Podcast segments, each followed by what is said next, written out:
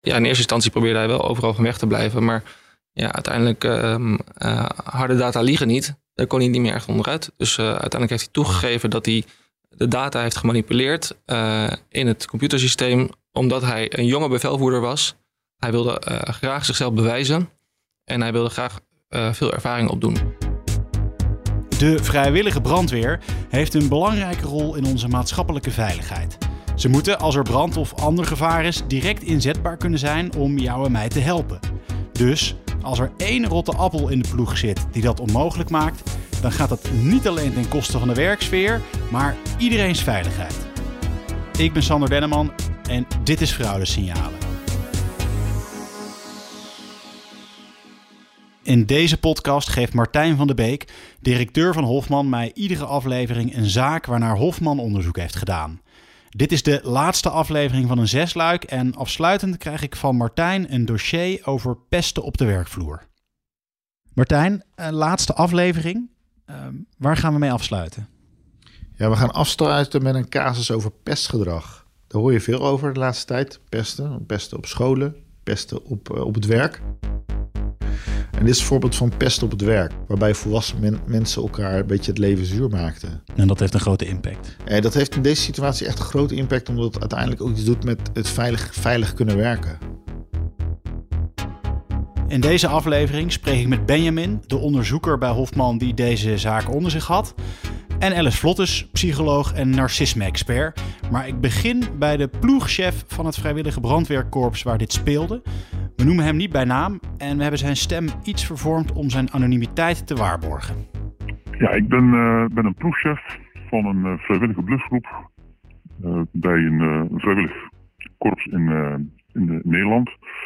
Ehm, daarbij ben ik verantwoordelijk voor de dagelijkse gang van zaken binnen een vrijwillige blusgroep. Dat zijn, is dan operationele ondersteuning, begeleiding, als uh, ook gewoon echt de dagelijkse gang van zaken over uh, afspraken, personeel aannemen, dat soort zaken. En deze ploegchef vertelt wat er speelde.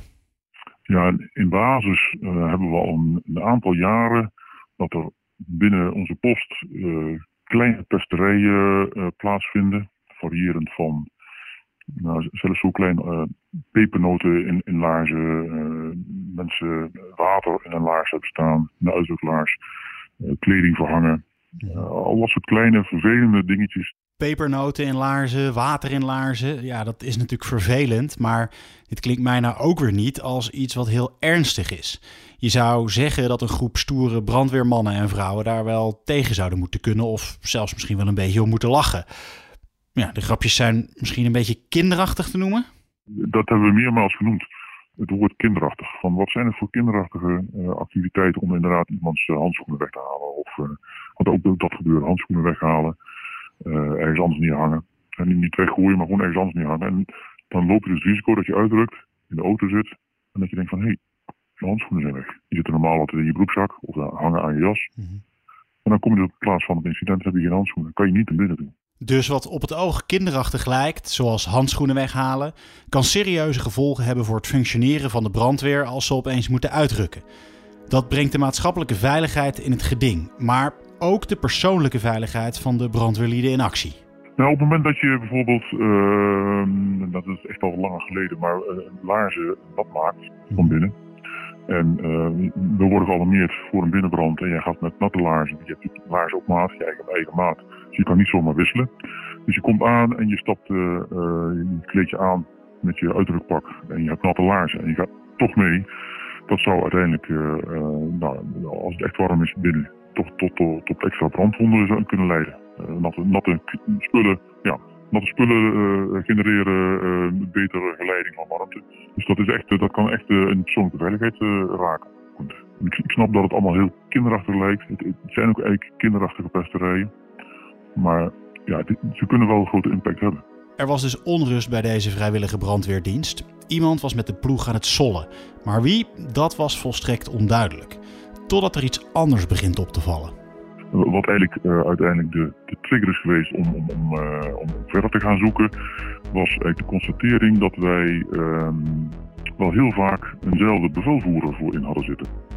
Ja, dat, dat, dat riep vraag op. Want dat kan niet. Het ruleert normaal gesproken. Ja, we hebben, normaal hebben wij een systeem wat, uh, wat zeg maar een, op basis van puntentelling de inzet, een inzetvoorstel doet voor personeel. Om te voorkomen dat altijd Jantje of Pietje of Klaasje met die uitdruk meegaan.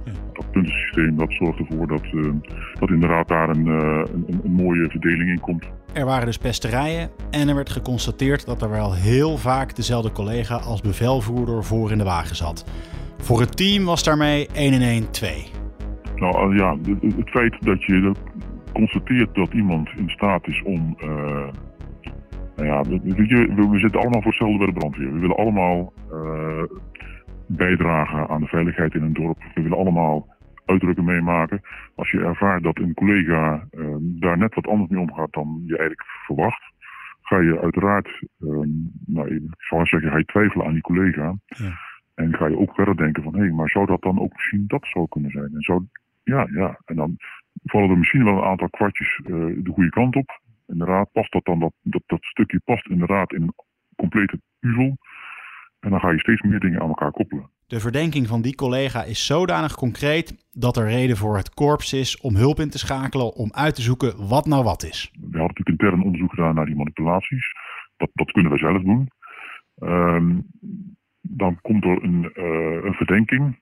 En op een gegeven moment was die verdenking, uh, we hebben bij collega's geïnformeerd van, hey, hebben jullie, dat, jullie ook iets ervaren? En uh, dan komen er toch andere verhalen naar boven dan dat we in het verleden hadden gehoord van onze collega's. Meer, meer voorvallen en uh, ook wat meer uitgesproken verdenkingen. Toen, kwam het moment van, hé, hey, dan moeten we toch maar uh, ja, daar een externe partij bij gaan halen die dat voor ons op een onafhankelijke manier goed kan onderzoeken. En die externe partij, dat is Hofman. In deze casus onder leiding van onderzoeker Benjamin. Ja, mijn naam is Benjamin. Ik werk voor Hofman Onderzoeksbureau. Hiervoor heb ik tien jaar bij de Amsterdamse politie gewerkt. Voornamelijk uh, generieke opsporing, maar ook uh, mensenhandel. En Benjamin vertelt hoe dit dossier bij hem op zijn bureau belandde. Er waren verschillende uh, brandweermannen die zelf al een beetje hadden bedacht waar die pesterijen vandaan zouden moeten komen. en die hadden beklag gedaan bij hun leidinggevende. Um, en uh, een van die uh, brandweermannen die dacht wie de dader zou zijn, uh, die vond dat deze dader ook opvallend vaak voor in de auto zat. Het, de auto is als volgt ingevuld. De manschappen zitten achterin, dat zijn de gewone blussers. En je hebt de chauffeur die zit voorin achter het stuur. En dan heb je de bevelvoerder en die zit naast de chauffeur. Ja. Dus ze vonden het opvallend dat één bepaalde meneer, die ze ook verdacht van pestgedrag, zo vaak voorin zat, terwijl er een computersysteem is die dat zou moeten reguleren dat iedereen ongeveer even vaak aan de beurt komt. Kortom, inderdaad wat de ploegchef vertelde. Er waren verdenkingen van pestgedrag en een vermoeden dat één persoon het systeem manipuleert dat de indeling op de brandweerwagen regelt. Maar goed, dat zijn vermoedens, dat is nog geen bewijs. Benjamin start zijn onderzoek door in gesprek te gaan met teamleden van de brandweerploeg. Um, nou, in eerste instantie wilden we uh, meer zicht krijgen op het pestgedrag.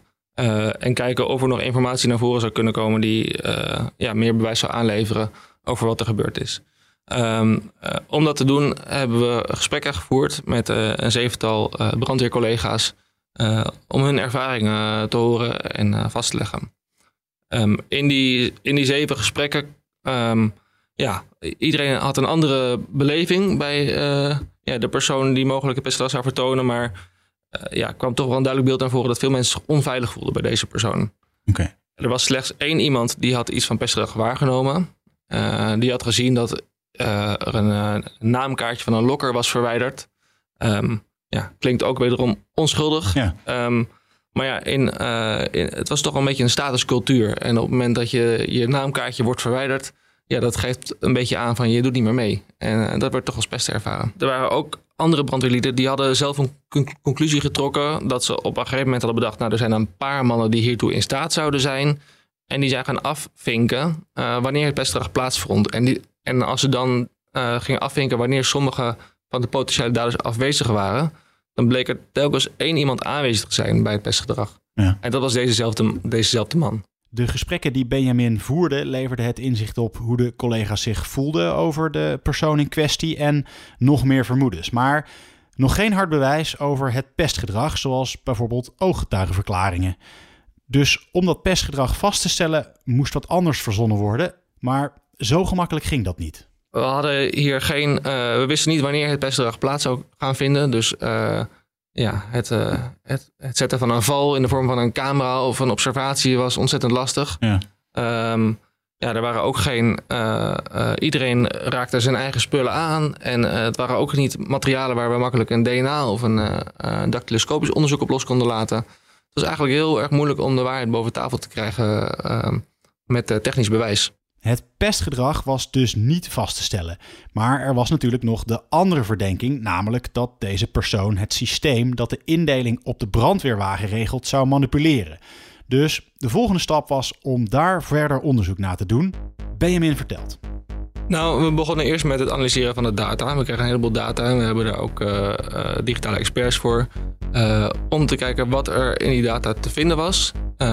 Of die data gemanipuleerd was. We hadden bevindingen, namelijk dat toevallig de persoon die zo vaak voorin zat, was ook degene die binnen de brandweer een van de twee administrators was die de data kon veranderen. Oké. We hebben de data uh, die we hebben gekregen gelegd naast de informatie van, uh, van de brandweer. Wie er mee zijn gegaan op de ritten. En toen kwamen we erachter dat er inderdaad flink gemanipuleerd was. Maar is dat dan voldoende? Heb je dan. want ja, dan kan het ook nog steeds de andere zijn. Dat zou gek zijn, maar het kan natuurlijk wel. Nou, um, er, er, waren twee mannen die in die data konden werken, die dat konden manipuleren. maar alle wijzigingen waren in het voordeel van één van die twee. Dus als die andere man dat zou hebben gedaan, dan zou hij ervoor hebben gezorgd dat uh, de mede-administrator elke keer voorin zat. Dus dat was niet waarschijnlijk. Met de data dat het zeer waarschijnlijk was dat het inzetsysteem was gemanipuleerd door deze ene brandweerman, confronteert Benjamin hem met wat ze hadden vastgesteld. Uiteindelijk hebben we zeker deze persoon gesproken uh, en hebben we hem onze bevindingen uh, voorgelegd en gevraagd ja, in hoeverre hij verantwoordelijk is voor het pestgedrag en voor het manipuleren van de data. En wat was zijn reactie?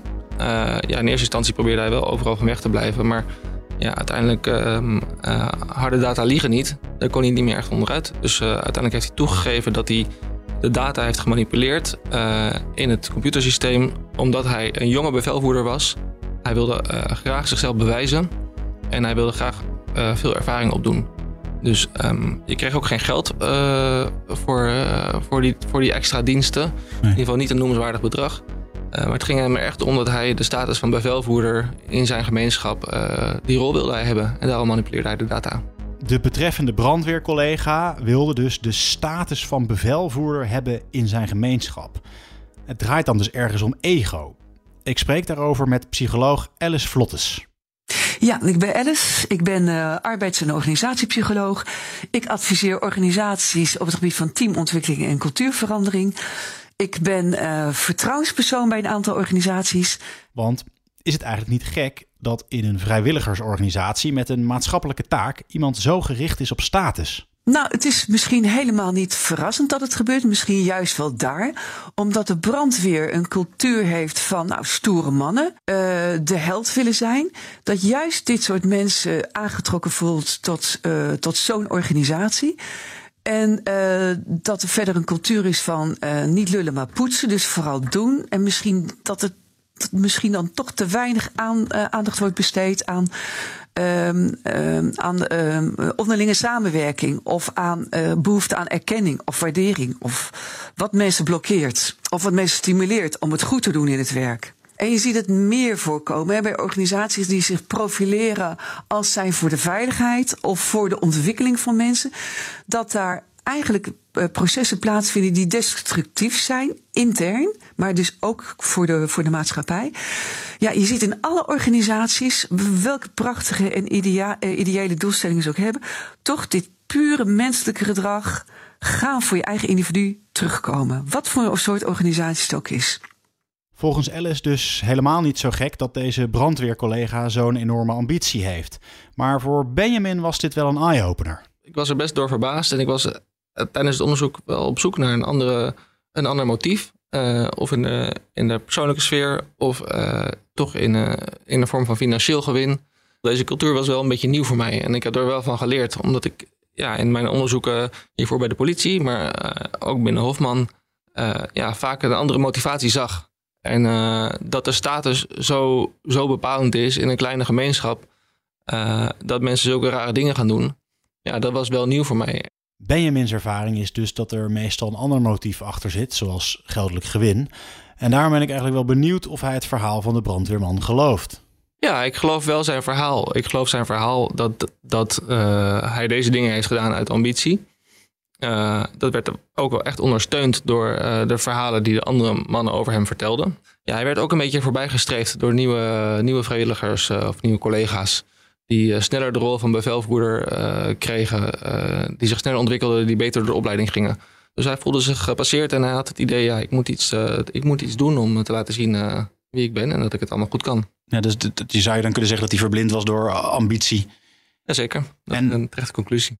Verblind door ambitie dus. Hoe ziet Alice dat? Omdat hij zo op zoek is naar erkenning en waardering, heb ik veel meer de indruk dat, het, dat er geen sprake is van een narcist, maar van iemand met sterke minderwaardigheidsgevoelens. En dat die dat op alle mogelijke manieren wil compenseren en daardoor wanhopig op zoek is naar erkenning. En de gevolgen daarvan? Hij is daar heel erg gedreven in, want hij wil ten koste van alles, wil hij een soort superheld zijn. Dus hij, wil, hij is op zoek naar uh, datgene wat, wat, hij in zijn hoofd, wat hij in zijn hoofd heeft. En daardoor hoopt hij dus de erkenning en de waardering te krijgen. En uh, dat hij ten koste van alles dat, dit wil bereiken. En daarmee alles uit de weg veegt. Alice denkt dus dat deze brandweerman een soort superbrandweer wilde zijn. En daar moest alles voor wijken. Ik vraag de ploegchef hoe hij dat ziet. Ja, nou, ik, denk dat de term superheld en superbrandweer misschien heeft, is die wel gevallen. Maar um, ik denk dat het voor, voor, um, voor iemand die, uh, die, zich, uh, die, die bij, uh, bij een brandweerploeg actief is, is het belangrijk om, belangrijk tussen, tussen haakjes moet je dat dan lezen, is het belangrijk om bij uitdrukken aanwezig te zijn. Dan ben je namelijk onderdeel van het incident en hoor je erbij. En voornamelijk dat, erbij horen, er altijd zijn, altijd mee kunnen uitdrukken. Ik denk dat dat een, een, een hele grote trigger is geweest voor, voor die collega. Ja, zou, dat kunnen, zou je dan eigenlijk kunnen zeggen dat, hij, dat, dat die betreffende collega misschien te ambitieus was of te graag wilde? Uh, ja, dat denk ik wel. Hij, uh, heeft uit het oog verloren volgens mij dat, hij, uh, dat het best collegiaal was om ook die collega's wat te kunnen. En, en het ging echt ten koste van de inzet van andere collega's. Terug naar Alice, want wat doet dit soort gedrag nou met zijn groep? Het geeft in het team veel onveiligheid. Dus uh, mensen worden voorzichtig, worden wantrouwend naar elkaar. Dus er ontstaat onveiligheid in het team. En dat is inderdaad precies wat Benjamin constateerde in zijn onderzoek. Gelukkig zijn er geen incidenten geweest dat uh, brandweerlieden gewond zijn geraakt omdat hun uh, spullen onklaar zijn gemaakt. Uh, maar het zorgt voor een groot gevoel van onveiligheid. Er, waren, er was één, één die wilde zijn huis in de camera's hangen omdat hij bang was dat. hij vond deze collega zo onberekenbaar dat hij bang was dat hij het huis opgezocht zou gaan worden en hij wist niet wat er dan zou gaan gebeuren. Uh, andere collega die was bang om in de brandweerwagen te stappen. Die was bang dat uh, op het moment dat deze uh, desbetreffende collega achter het stuur zit, dat hij wel eens een keer uit pure emotie tegen een boom zou kunnen rijden. ja, het vertrouwen was gewoon helemaal weg binnen de club. Het zorgt voor heel veel onrust. En Alice legt nog wat verder uit wat de gevolgen van onveiligheid en wantrouwen doen met een organisatie als de brandweer. De gevolgen van uh, die onveiligheid en wantrouwen in het team is dat mensen zich gaan indekken. Mensen worden voorzichtig, mensen worden huiveriger. Dus dat betekent dat ze minder goed gaan presteren. En in het algemeen zou je kunnen zeggen van de resultaten van de organisatie die gaan achteruit. En dit is natuurlijk iets dat je bij iedere organisatie niet wilt, maar al helemaal niet bij een veiligheidsdienst als de brandweer. En dat die effectiviteit van de inzet van de brandweer in het geding kwam, dat bevestigt de ploegchef ook wel met zoveel woorden als je in een groep werkt waar je, uh, zoals bij, bij een brandweer bij een inzet, uh, als die pieper gaat, dan uh, wordt er van mij verwacht dat ik mijn ding doe, maar dat, ik ook, dat mijn collega op mij, op mij kan vertrouwen. Dus dat, dat vertrouwen, uh, ook, ook bijvoorbeeld in operationele zin, is dan wel compleet weg. Je, je moet echt ehm, ja, nou, blindelings op elkaar kunnen vertrouwen. Het moet niet zo zijn dat je met, met een uh, raar van ik, ga met, Pietje, uh, nou, in ons geval, we gaan een, brandende woning binnen. Maar ik weet eigenlijk niet zo goed of ik Pietje wel vertrouw. Dat is natuurlijk een heel slecht uitgangspunt voor uh, inderdaad enige toch wel risicovolle acties die wij hier ondernemen. Nogmaals, dat zijn wel overwogen risico's, maar je loopt wel wel risico in. Dus dat wil je niet. Je wil gewoon die groep. Dat gewoon, we, gaan, we gaan voor het incident, we gaan voor het bestrijden van het incident. En dan moet je gewoon op alle collega's kunnen vertrouwen. En, maar dat is, dat is lastig op, het moment dat dit soort dingen aan de bovenkant komen drijven, op het oppervlak komen, dan is dat vertrouwen in een collega weg. En eigenlijk is dan een, uh, kan je dan praten van een onwerkbare situatie. Maar hoe voorkom je nou dat dit überhaupt een onwerkbare situatie wordt? Hoe moet je omgaan met zo iemand? Ik ga weer terug naar Alice dan gaat het er uiteindelijk om dus dat je ook je, uh, je teamleden ook bewust maakt van wat er gebeurt. Dus dat je met je team je sterker kunt maken tegenover zeg maar, het foute gedrag, het ongewenste gedrag. Dus dat betekent dat je, dat je uh, kijk, jij, jij ziet het gebeuren. Stel, jij ziet het dus als eerste het gebeuren. Um, dan is het handig om het uh, te bezorgen dat je, dat je meer steun krijgt in het team. Dat het team het ook gaat zien. Dus dat je het, uh, dat je door middel van grapjes het bespreekbaar gaat maken. Goh, joh, je hebt nu alweer de beste dienst, hè? Van, oh, jij alweer. Dat de, dat de ogen van je teamleden ook open gaan. Als je dus met het wangedrag, zoals bij deze brandweercollega, te maken hebt, maak dat wangedrag dan bespreekbaar binnen het team. Dat is hier gebeurd en dit heeft geleid tot het onderzoek van Hofman en uiteindelijk tot het feit dat er afscheid is genomen van deze collega omdat er onherstelbare schade was aangericht binnen het team. Goed, dan is dus die rotte appel weg, maar hoe werk je dan aan herstel binnen zo'n team?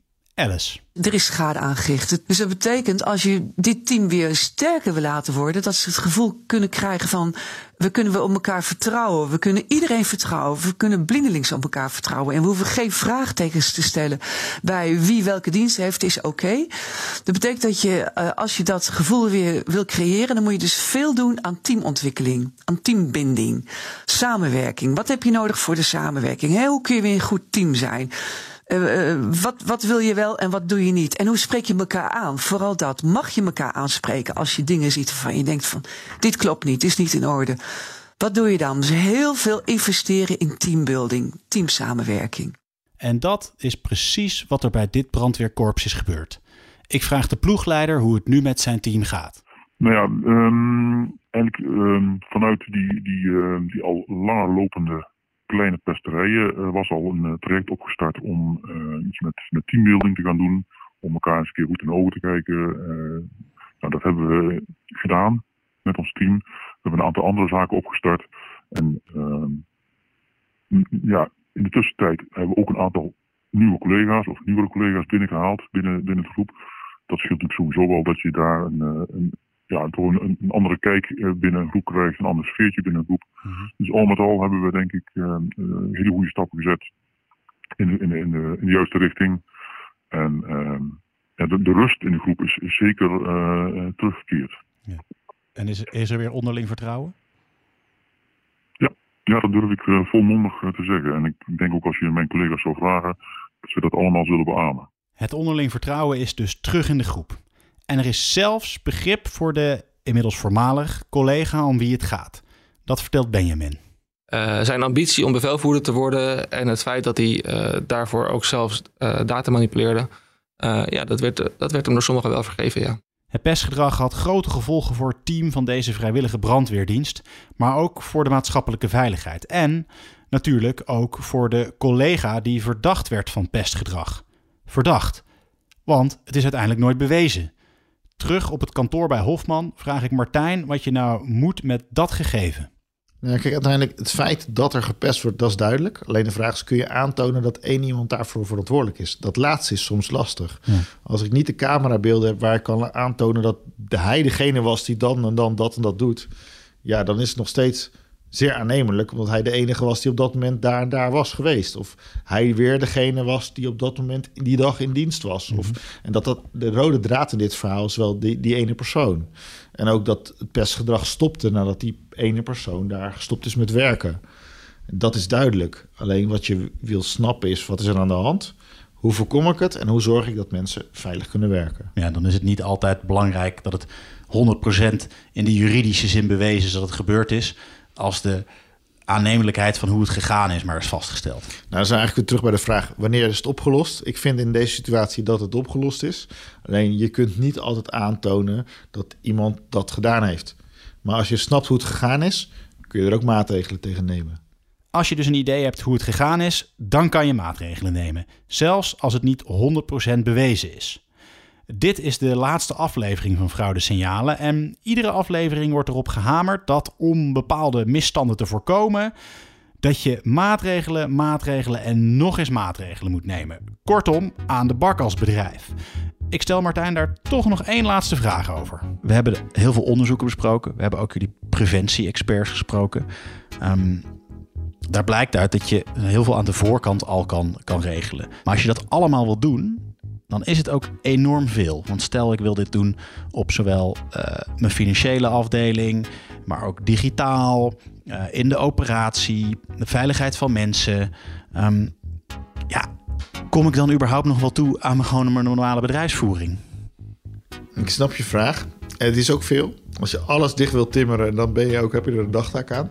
Maar je moet wel realistisch zijn. Dus je moet kijken naar een organisatie. Welke risico's zijn voor jouw organisatie nu echt relevant? In een organisatie met uh, mensen met een beperking, nou, dan is sociale veiligheid is gewoon heel erg van belang. Een organisatie met, uh, met uh, seizoensarbeid, hetzelfde verhaal. Een organisatie waar veel transacties plaatsvinden, waar een grote hoeveelheid aan, aan betalingen plaatsvinden, dan is natuurlijk het toezicht op betalingen weer heel erg relevant. Zo kun je per organisatie wel bepalen wat is hier nou relevant. Waar lig je nou echt wakker van? Op het moment dat mijn computers vergrendeld raken door ransomware, nou dan is ransomware dus heel erg belangrijk voor jou.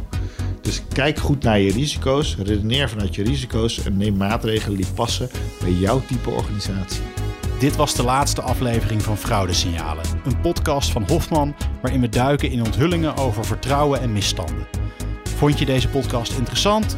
Deel hem dan vooral vanaf de plek waar jij je podcast vandaan haalt.